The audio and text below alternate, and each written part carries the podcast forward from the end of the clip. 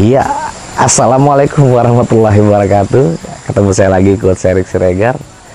Masih dalam obrolan santai, obrolan ringan. Kali ini saya lagi santai-santai di salah satu cafe atau resto yang Suasananya sangat alam sekali. Katanya sih replikanya kerajaan Majapahit ya.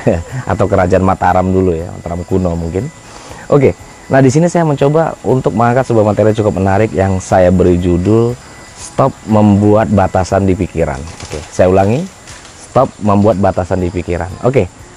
Nah, materi ini saya angkat uh, ingat cerita sebuah uh, ketika saya mengisi training di sebuah perusahaan.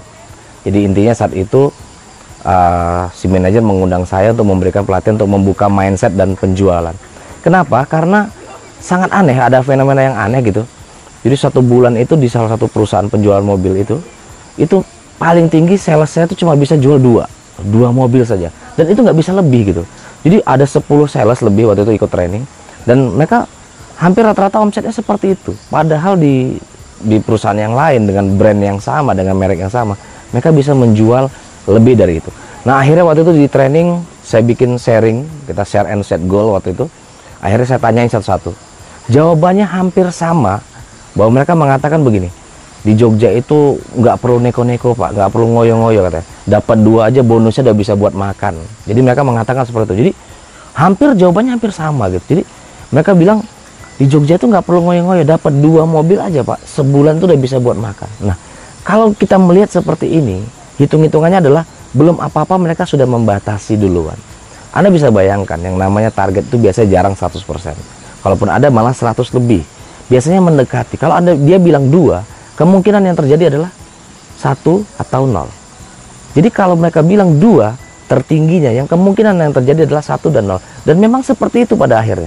Waktu itu saya tanyakan pada mereka, emang apa yang salah kalau misalkan anda mengatakan di atau anda berpikir tiga atau lima atau sepuluh sekalian. Langsung mereka jawabannya beragam-ragam. Ada yang ketakutan, ada yang aduh nanti targetnya terlalu tinggi, begini begini begitu. Waktu itu saya mengatakan begini, saat Anda mengatakan dua, secara tidak langsung Anda sudah membatasi rezeki Anda. Tanpa disadari loh. Ingat bahwa saat Anda berdoa kepada Tuhan, Anda mengatakan mungkin Anda ingin melimpahkan rezekinya. Tapi saat di dalam pikiran Anda sendiri, Anda meyakini bahwa dua cukup. Nah, kenapa bisa seperti itu? Padahal orang lain ada bisa jual lima, ada bisa jual sepuluh. Kenapa Anda membatasi sampai dua? Akhirnya waktu itu pertanyaan saya itu membuka uh, wacana buat mereka. Dan saya katakan seperti ini toh berpikir positif atau negatif sama-sama gratis kok? Sama-sama nggak bayar. Kenapa anda nggak berpikir kalau satu bulan saya bisa dapat lima? Mau dapat atau tidak minimal anda sudah berani berpikir. Karena kalau anda tidak berani berpikir dan belum apa-apa sudah membatasi duluan maka jelas sekali bahwa rezeki atau apa pun itu sudah ada batasannya yaitu ada di dalam pikiran. Mari sama-sama kita buka pikiran kita. Kita sama-sama nggak tahu apa yang akan terjadi ke depan. Namun apabila kita memberikan dengan pemikiran-pemikiran yang positif, optimis, dan lain-lain, mungkin Anda bisa mencapai target yang lebih besar dari yang sekarang. Jadi intinya adalah stop untuk membatasi sesuatu dalam pikiran Anda. Oke, cukup sekian. Sukses untuk kita semua.